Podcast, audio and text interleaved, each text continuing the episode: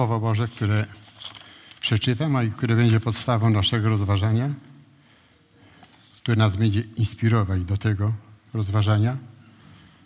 Czytam z listu do Hebrajczyków z 13 rozdziału, wiersz 8. Jezus Chrystus wczoraj i dziś ten sam i na wieki. Panie Boże, dziękujemy Ci za Biblię i dziękujemy Ci za to słowo, nad którym też możemy się pochylić. I Panie, otwórz treść tego słowa też przed nami, abyśmy mogli umocować, umocnić się w wierze naszego Zbawca, Zbawcę i Pana Jezusa Chrystusa. Ojcze, ku Twojej chwale. Amen.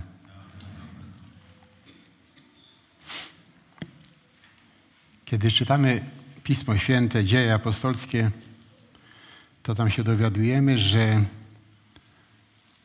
nazwa uczniom pańskim, że są chrześcijanami, ta nazwa chrześcijanie została nadana przez ludzi niewierzących.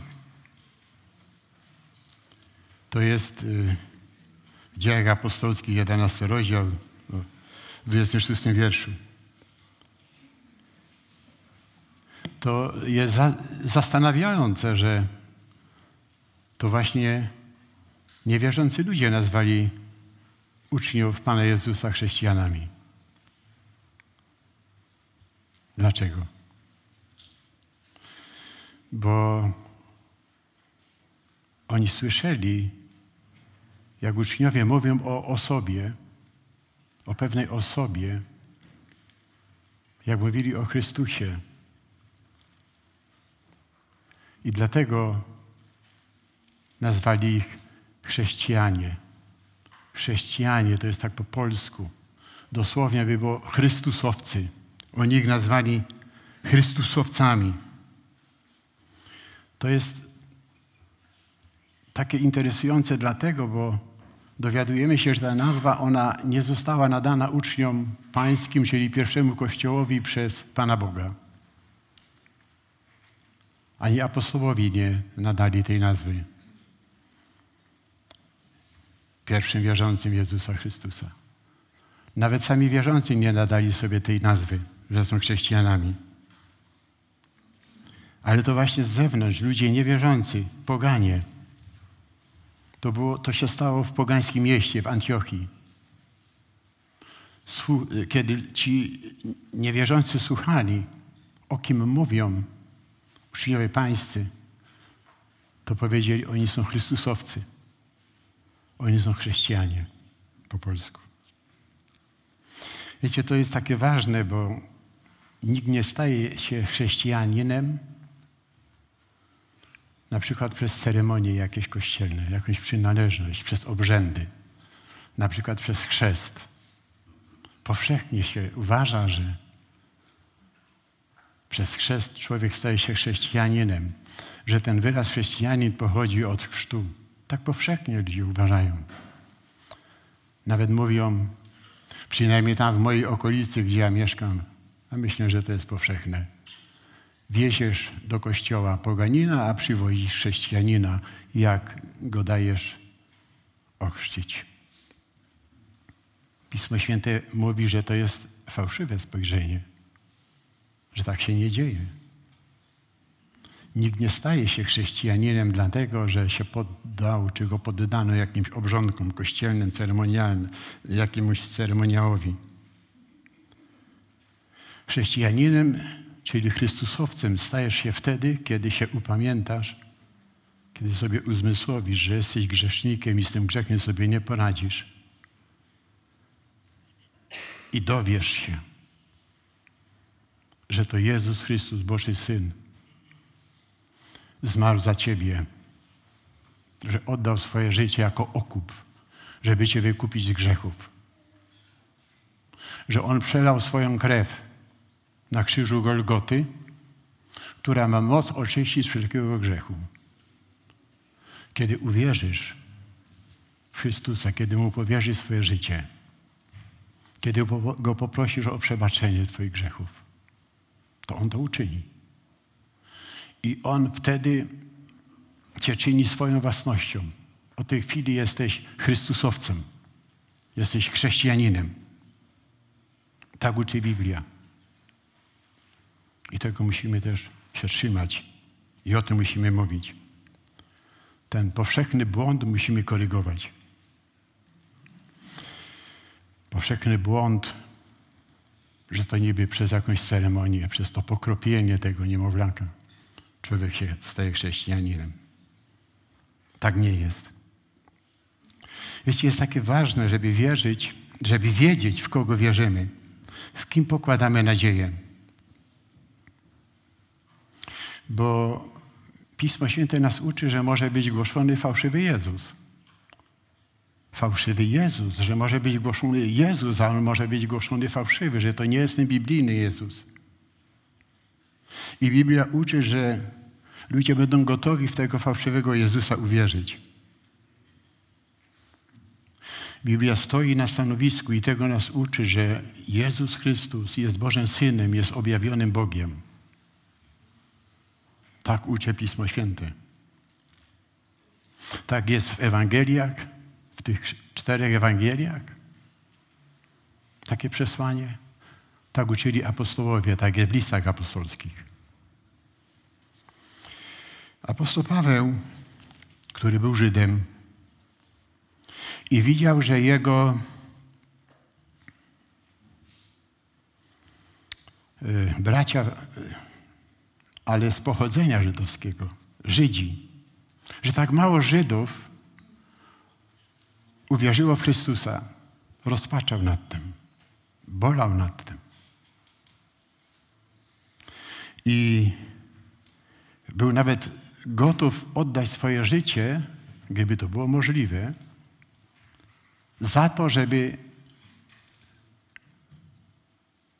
Żydzi mogli uwierzyć, żeby Izraelici mogli się upamiętać w większej liczbie, żeby mogli być zbawieni. On wiedział, że zbawienie jest w Chrystusie. I to w tym biblijnym Chrystusie. I kiedy tak rozpaczał, wymienia to dziewiąty rozdział listu do Rzymian, wymienia, jakie to przywileje w zasadzie Izraelici posiedli przez to, że zostali wybrani przez Boga jako naród wybrany w Starym Testamencie. Ostatecznie mówi o Chrystusie i mówi tak. Ten jest ponad wszystkim. Bóg błogosławiony na wieki. I kończy tym wyrazem Amen. Tak jest, to jest prawda. Chrystus ten jest ponad wszystkim. Bóg błogosławiony na wieki. Amen. Wiecie, tu w tym zawołaniu, w tej prośbie, w tej modlitwie apostoła Pawła jest podkreślona pewna cecha, pewien atrybut boski dotyczący Pana Jezusa Chrystusa. Chodzi o to, kiedy mówi na wieki. Ten jest Bóg błogosławiony na wieki. To jest atrybut, to jest taka cecha charakterystyczna. Chodzi o wieczność. Bóg jest wieczny. Bóg posiada wieczność. I o tych atrybutach, boskich atrybutach, które nam później pozwolą rozpoznać, kim jest Chrystus. O tych atrybutach, na tym się chcę teraz skoncentrować. Atrybuty, czyli takie cechy, takie przymioty Bożego charakteru, Bożej natury. To są właśnie atrybuty. W Nowym Testamencie apostoł Piotr nazywa je cnotami. W pierwszym liście, do, w pierwszym liście Piotra apostoł, Paweł, apostoł Piotr mówi tak. Ale wy jesteście rodem wybranym, królewskim kapłaństwem, narodem świętym, ludem nabytym, abyście rozgłaszali cnoty tego, który was powołał z ciemności do cudownej, światło, do cudownej swojej światłości. Pierwszy list Piotra to jest drugi rozdział, dziewiąty wiersz.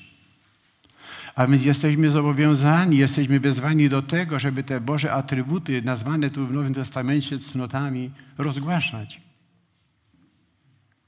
Jeżeli je chcemy rozgłaszać, musimy je znać.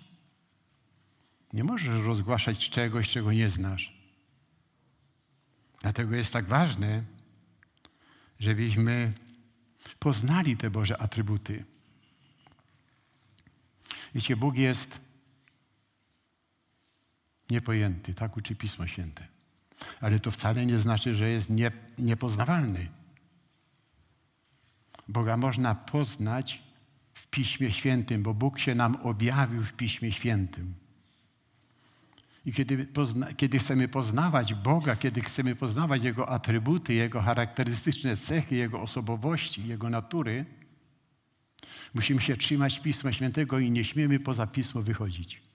To jest taka, takie obwarowanie tego, tego tematu. Boże atrybuty można podzielić na dwie grupy. Pierwsza grupa to są atrybuty Boga moralne. One są nazwane przekazywalne. Tu chodzi o takie atrybuty, kiedy, które posiada Bóg, ale które chce nam też przekazać, żebyśmy też je posiedli. Taki przykład. Bóg jest święty. Ale takie zawołanie w Starym Testamencie Boga Świętymi bądźcie, bo ja jestem święty. Pan, wasz Bóg.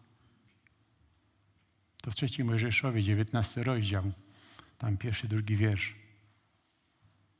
Czyli Bóg mówi, ja jestem święty, ale wy też bądźcie świętymi, bo ja jestem waszym Bogiem. Zwraca się do Izraela, do swojego starotestamentowego ludu. A więc widzicie, Bóg jest święty, to jest Jego atrybut, to jest, to jest Jego cecha, taka charakterystyczna cecha Jego natury ale On chce ten atrybut, żebyśmy również posiedli, którzy wierzymy w Niego. To jest powtórzone później właśnie u Piotra w Nowym Testamencie. Dokładnie to jest powtórzone w Nowym Testamencie. Świętymi bądźcie, bo ja jestem święty. To jest pierwszy rozdział listu Piotra, pierwszego listu Piotra, szesnasty wiersz. Ponieważ napisano, Świętymi bądźcie, bo ja jestem święty.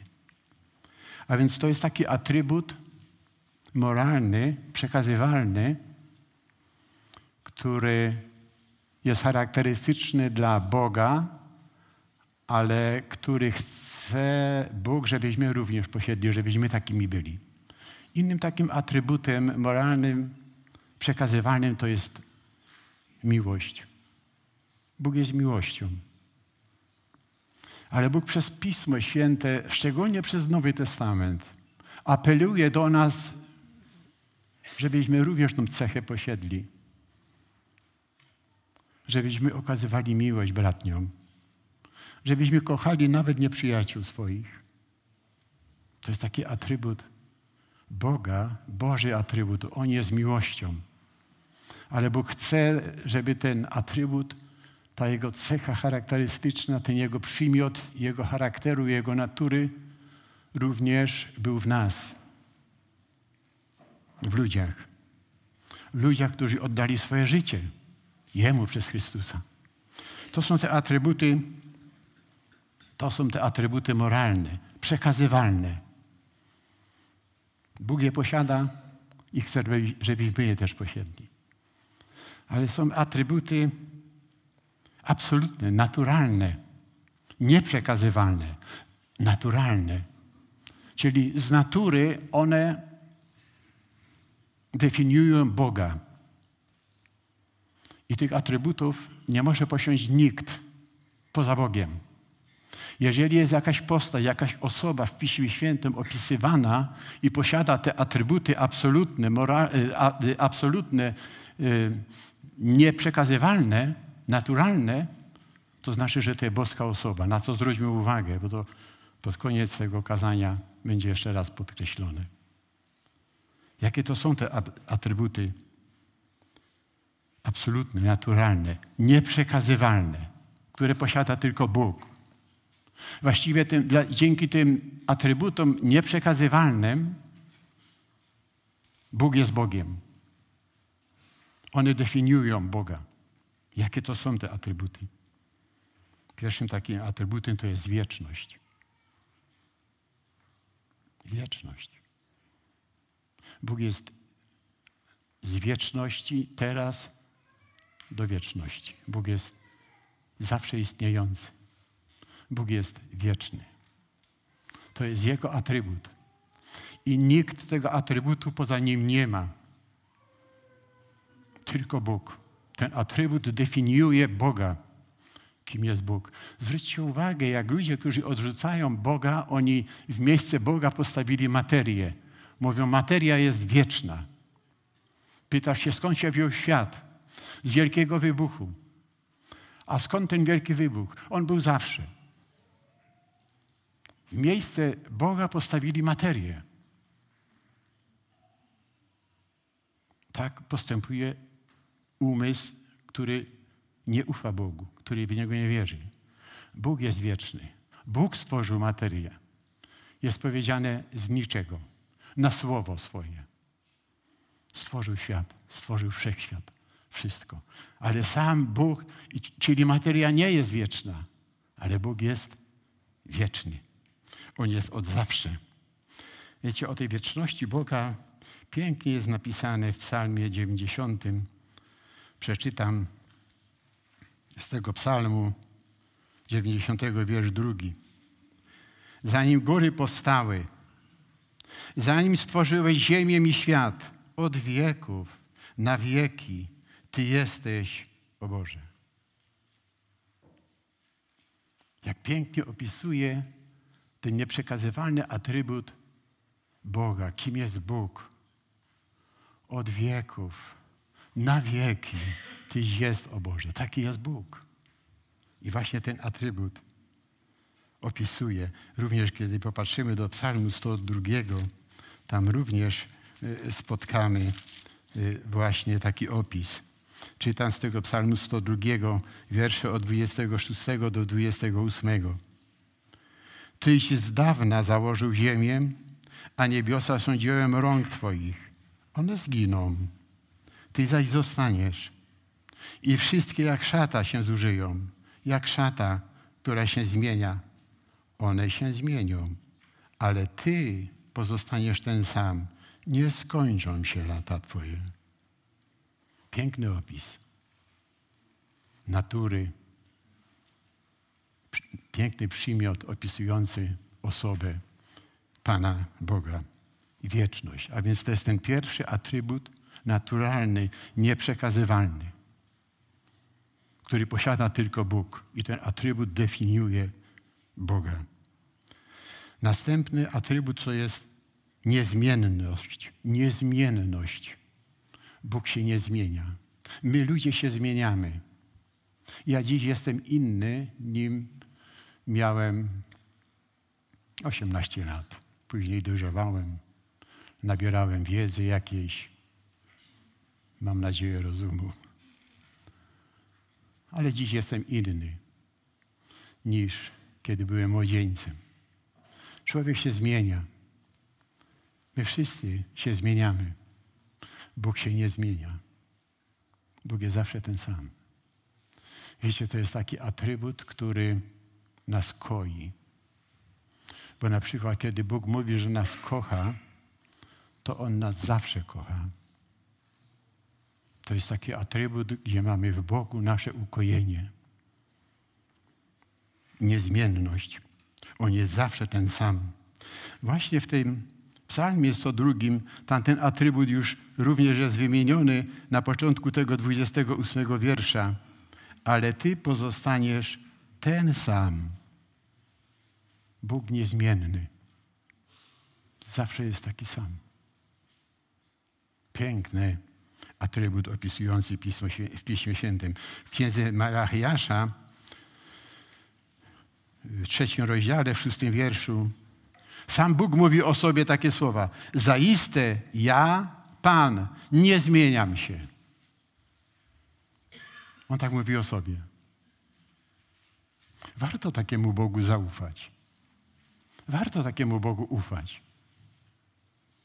Kiedy On swoją miłość do nas udowodnił, posyłając swojego Syna jedynego na krzyż Golgoty. On udowodnił swoją miłość. Ta miłość będzie trwać. Ona była z wieczności, ona trwa teraz, ona będzie na wieczność.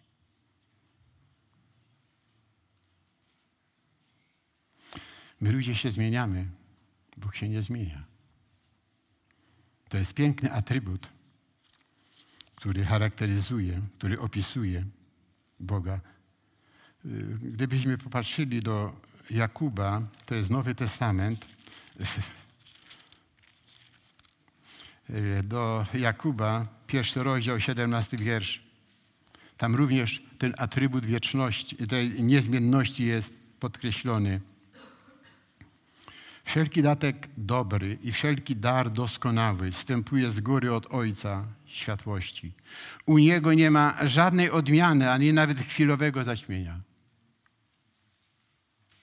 U Niego nie ma żadnej odmiany. On nie zmieni się. On jest niezmienny. Kiedy On mówi, że Cię kocha, to tak już zostanie.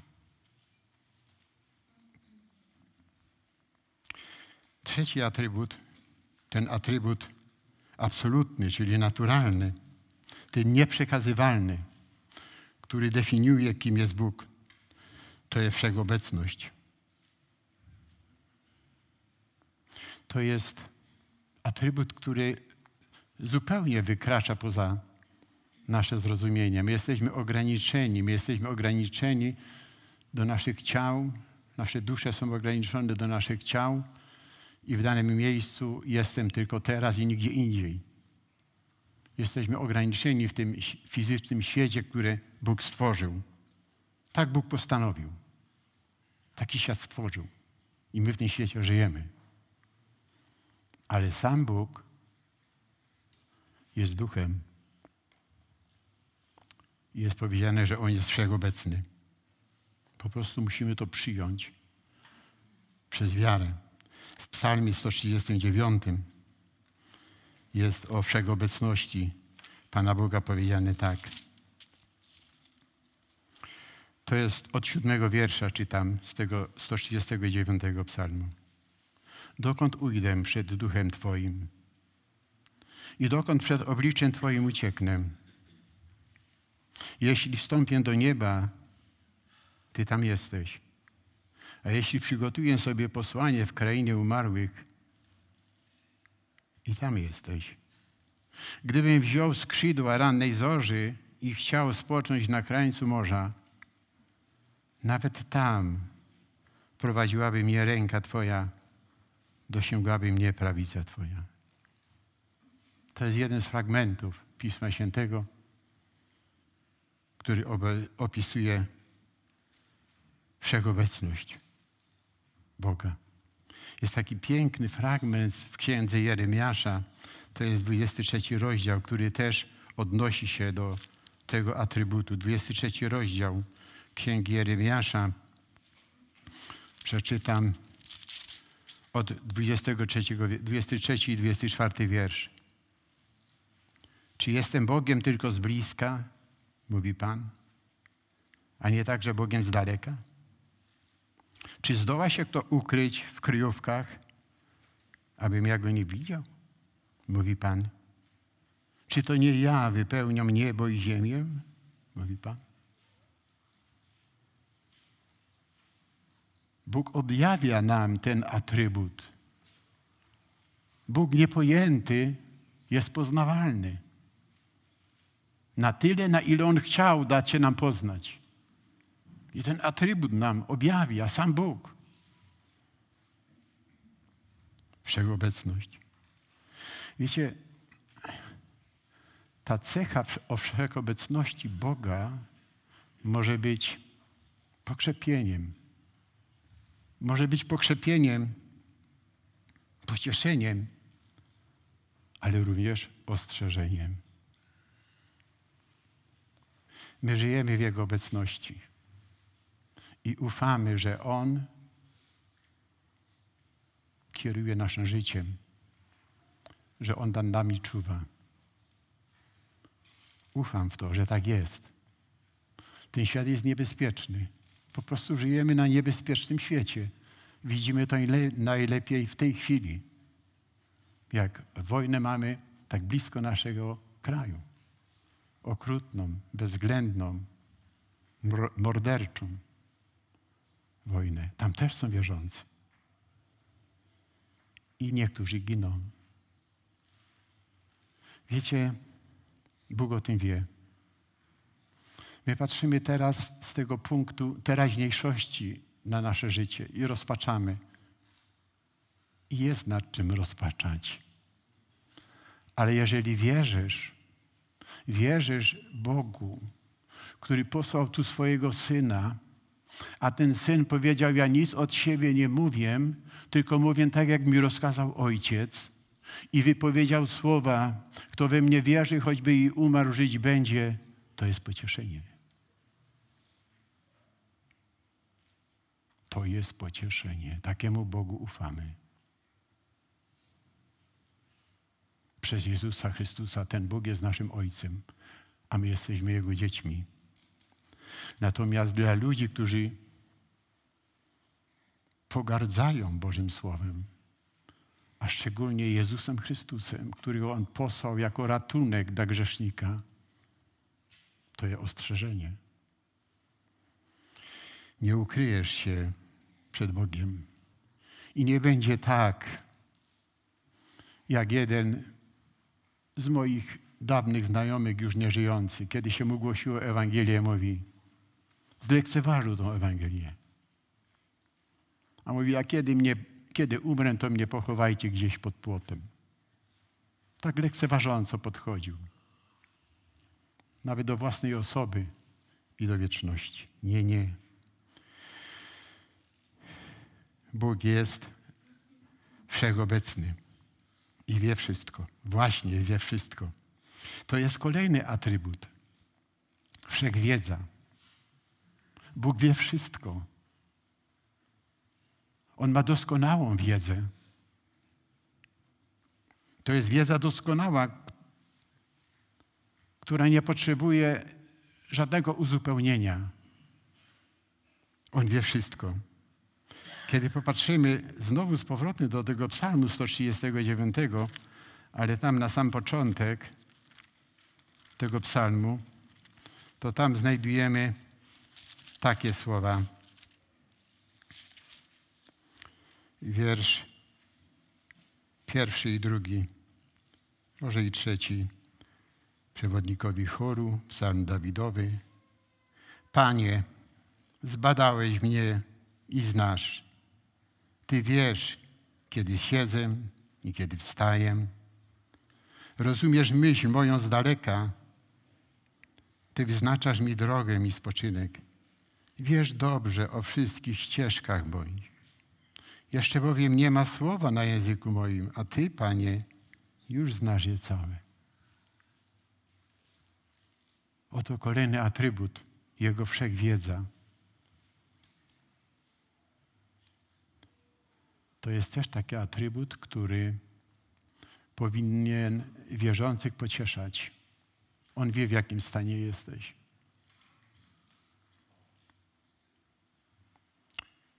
A ci, którzy lekceważą Boga, niech to jest dla nich ostrzeżeniem. On wie, co robisz, jak postępujesz, jak się zachowujesz, a może niekiedy w co wierzysz, albo i komu wierzysz. Odrzucając Boga biblijnego. Bo mnóstwo takich ludzi jest wokół nas, którzy mówią, że wierzą. Tylko nie Bożemu Słowu, nie Biblii. A więc kolejny atrybut wszechwiedza. No i jeszcze jeden chcę wymienić atrybut, to już będzie piąty z kolei. To jest wszechmoc. Bóg jest wszechmocny. Wiecie, tu trzeba takie pewne zastrzeżenie. Bóg jest wszechmocny. On może uczynić wszystko, co jest zgodne z Jego naturą. Bóg jest wszechmocny. On może uczynić wszystko, co jest zgodne z Jego naturą. On jest święty, czyli oddzielony jest od zła, od grzechu. On nie może uczynić coś, co jest grzeszne, co jest niezgodne z Jego naturą. Bóg jest wszechmocny. I jeżeli już o tym wiemy, że Jego wszechmoc, ona jest zgodna z Jego naturą, to i Stary i Nowy Testament o tej Jego wszechmocy mówi. W Starym Testamencie to jest psalm, to jest pierwsza Mojżeszowa 18-14. Tam jest takie słowo, czy jest cokolwiek niemożliwego dla Pana? A jest to w pewnym kontekście, w takim kontekście, gdzie po ludzku było już niemożliwe. Bóg jest wszechmocny. Wiecie, w Nowym Testamencie zresztą podobny kontekst jak Stary Testament, a ja tylko samą, samą Jego wszechmoc chcę podkreślać. Jest podobne słowo, bo u Pana żadna rzecz nie jest niemożliwa. To jest Łukasz. To jest Ewangelii Łukasza, pierwszy rozdział, 37 wiersz. U Pana żadna rzecz nie jest niemożliwa. Jeżeli jest zgodna z Jego naturą. Jego naturą. Świętą, boską naturą. Wiecie, kiedy poznaliśmy te atrybuty absolutne, naturalne, nieprzekazywalne, które definiują Boga, kim Bóg jest, a którymi były wieczność, niezmienność, wszechobecność, wszechwiedza, wszechmoc. Popatrzmy teraz na ten nasz werset, który przeczytałem na samym początku. Hebrajczyków 13:8. Jezus Chrystus wczoraj i dziś ten sam i na wieki. Czy dostrzegamy już, że ten wiersz opisuje, kim jest Chrystus, że opisuje boskość Jezusa Chrystusa? Że ten wiersz opisuje, że Jezus jest Bogiem? Widzimy tu dwa atrybuty. Atrybuty te nieprzekazywalne, absolutne, naturalne, które posiada tylko Bóg. Pierwszy atrybut to jest wieczność. Tu w tym wierszu pokazany. On jest pokazany w tym słowie Jezus Chrystus wczoraj i dziś i na wieki. To jest atrybut boski. A w ten sposób jest opisany Chrystus. On jest wczoraj, był wczoraj, on jest dzisiaj i będzie taki sam na wieki. On się nie zmienia. To jest boski atrybut. I ten atrybut Pismo Święte przypisuje Bożemu Synowi, Jezusowi Chrystusowi. Ale tu jest drugi atrybut. On jest zawarty w tym słowie ten sam. Ten sam. Jezus Chrystus wczoraj i dziś ten sam i na wieki. To jest właśnie ten atrybut niezmienności. Bóg się nie zmienia. On jest ten sam. My się zmieniamy, ale Bóg się nie zmienia.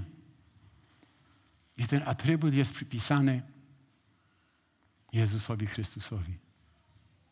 Wiecie, na, na początku przypomniałem to ostrzeżenie zapisane przez apostoła Pawła, że będzie głoszony fałszywy Chrystus i ludzie będą gotowi uwierzyć. I wielu uwierzy. Kiedy poznajemy naszego Zbawcę i Pana Jezusa Chrystusa i poznajemy Go również przez atrybuty, przez boskie atrybuty, to my wiemy, komu zawierzyliśmy. My wierzymy Bogu,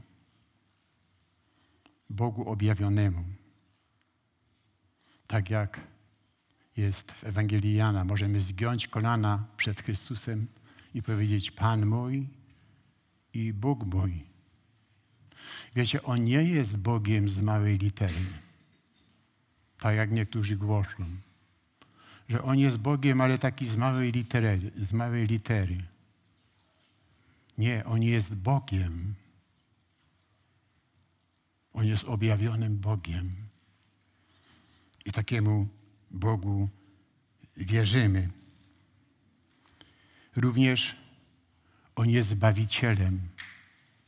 Stary Testament zaświadcza, że zbawić może tylko Bóg. Tylko Bóg może zbawić. Dlatego Bóg przyszedł na ziemię, aby nas zbawić. I On zbawił doskonale. Jego krew oczyszcza od wszelkiego grzechu tego, który się upamiętał i oddał swoje życie Jezusowi, uwierzył w dzieło Golgoty. Taki człowiek jest zbawiony doskonale z wszelkiego grzechu. Odrzucamy Chrystusa, który zbawia częściowo, a za resztę po śmierci gdzieś musisz wycierpieć. To jest fałszywy Chrystus. Takiego Chrystusa nie opisuje Pismo Święte. To Chrystus opisany w Piśmie Świętym, On jest doskonałym Zbawicielem. Zastanówmy się, bo niekiedy słyszymy te różne fałszywe nauki i ludzie wierzą. Obyśmy też byli umocnieni w naszej wierze, w kogo wierzymy. Pismo Świętego przedstawia jako Boga, który nas zbawił, nie częściowo, ale całkowicie. On umarł za nasze grzechy, żebyśmy mogli żyć. On zmartwychwstał, pokonał śmierć. Dlatego Jego słowo, które wypowiedział, kto we mnie wierzy, choćby i umarł, żyć będzie, ono jest przez Boga udokumentowane. Śmierć jest pokonana. On siedzi po prawicy Boga Ojca. I tam oręduje za nami, wstawia się za nami. Wiecie, Pan Jezus jeszcze przyjdzie raz na ziemię. Z jednej strony, aby zabrać Kościół, abyśmy byli z Nim na zawsze, na wieki. A z drugiej strony przyjdzie jako sędzia. Kiedy stanie każdy przed Nim i zostanie osądzony. Kim jest dla Ciebie Jezus Chrystus teraz? Zbawicielem? Bo jak go odrzuca, to jest sędzią. Staniesz przed Nim jako przed sędzią. Teraz jest czas łaski, teraz jest czas zbawienia. On teraz jeszcze wzywa, przyjdźcie do mnie. To jest takie ważne.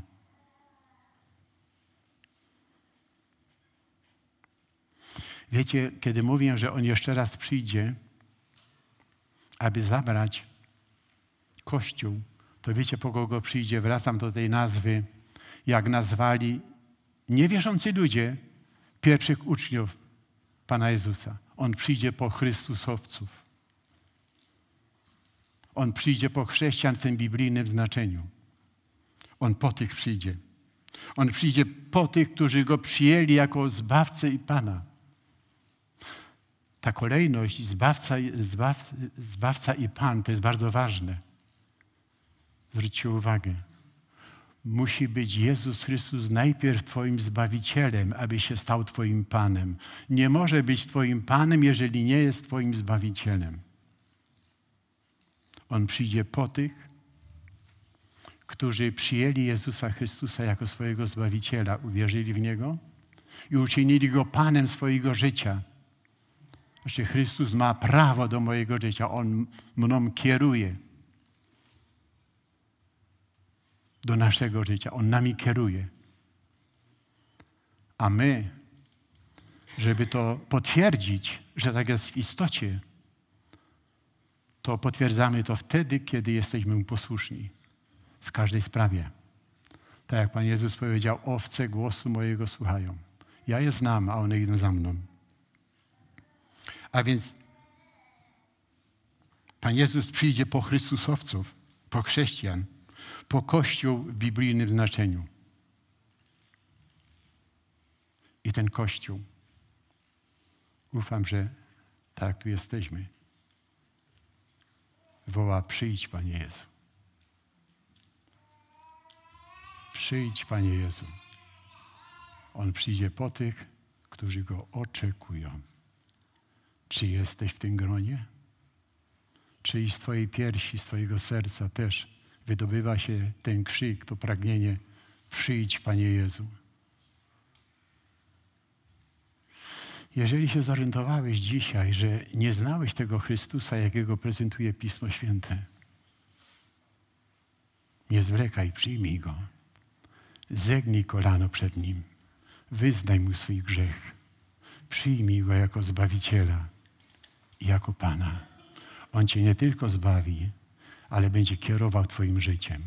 I wtedy zawołasz z głębi serca, przyjdź Panie Jezu. Czekam na Ciebie. Przyjdź Panie Jezu. I zabierz mnie do siebie, tam do wieczności. Pochylmy głowy.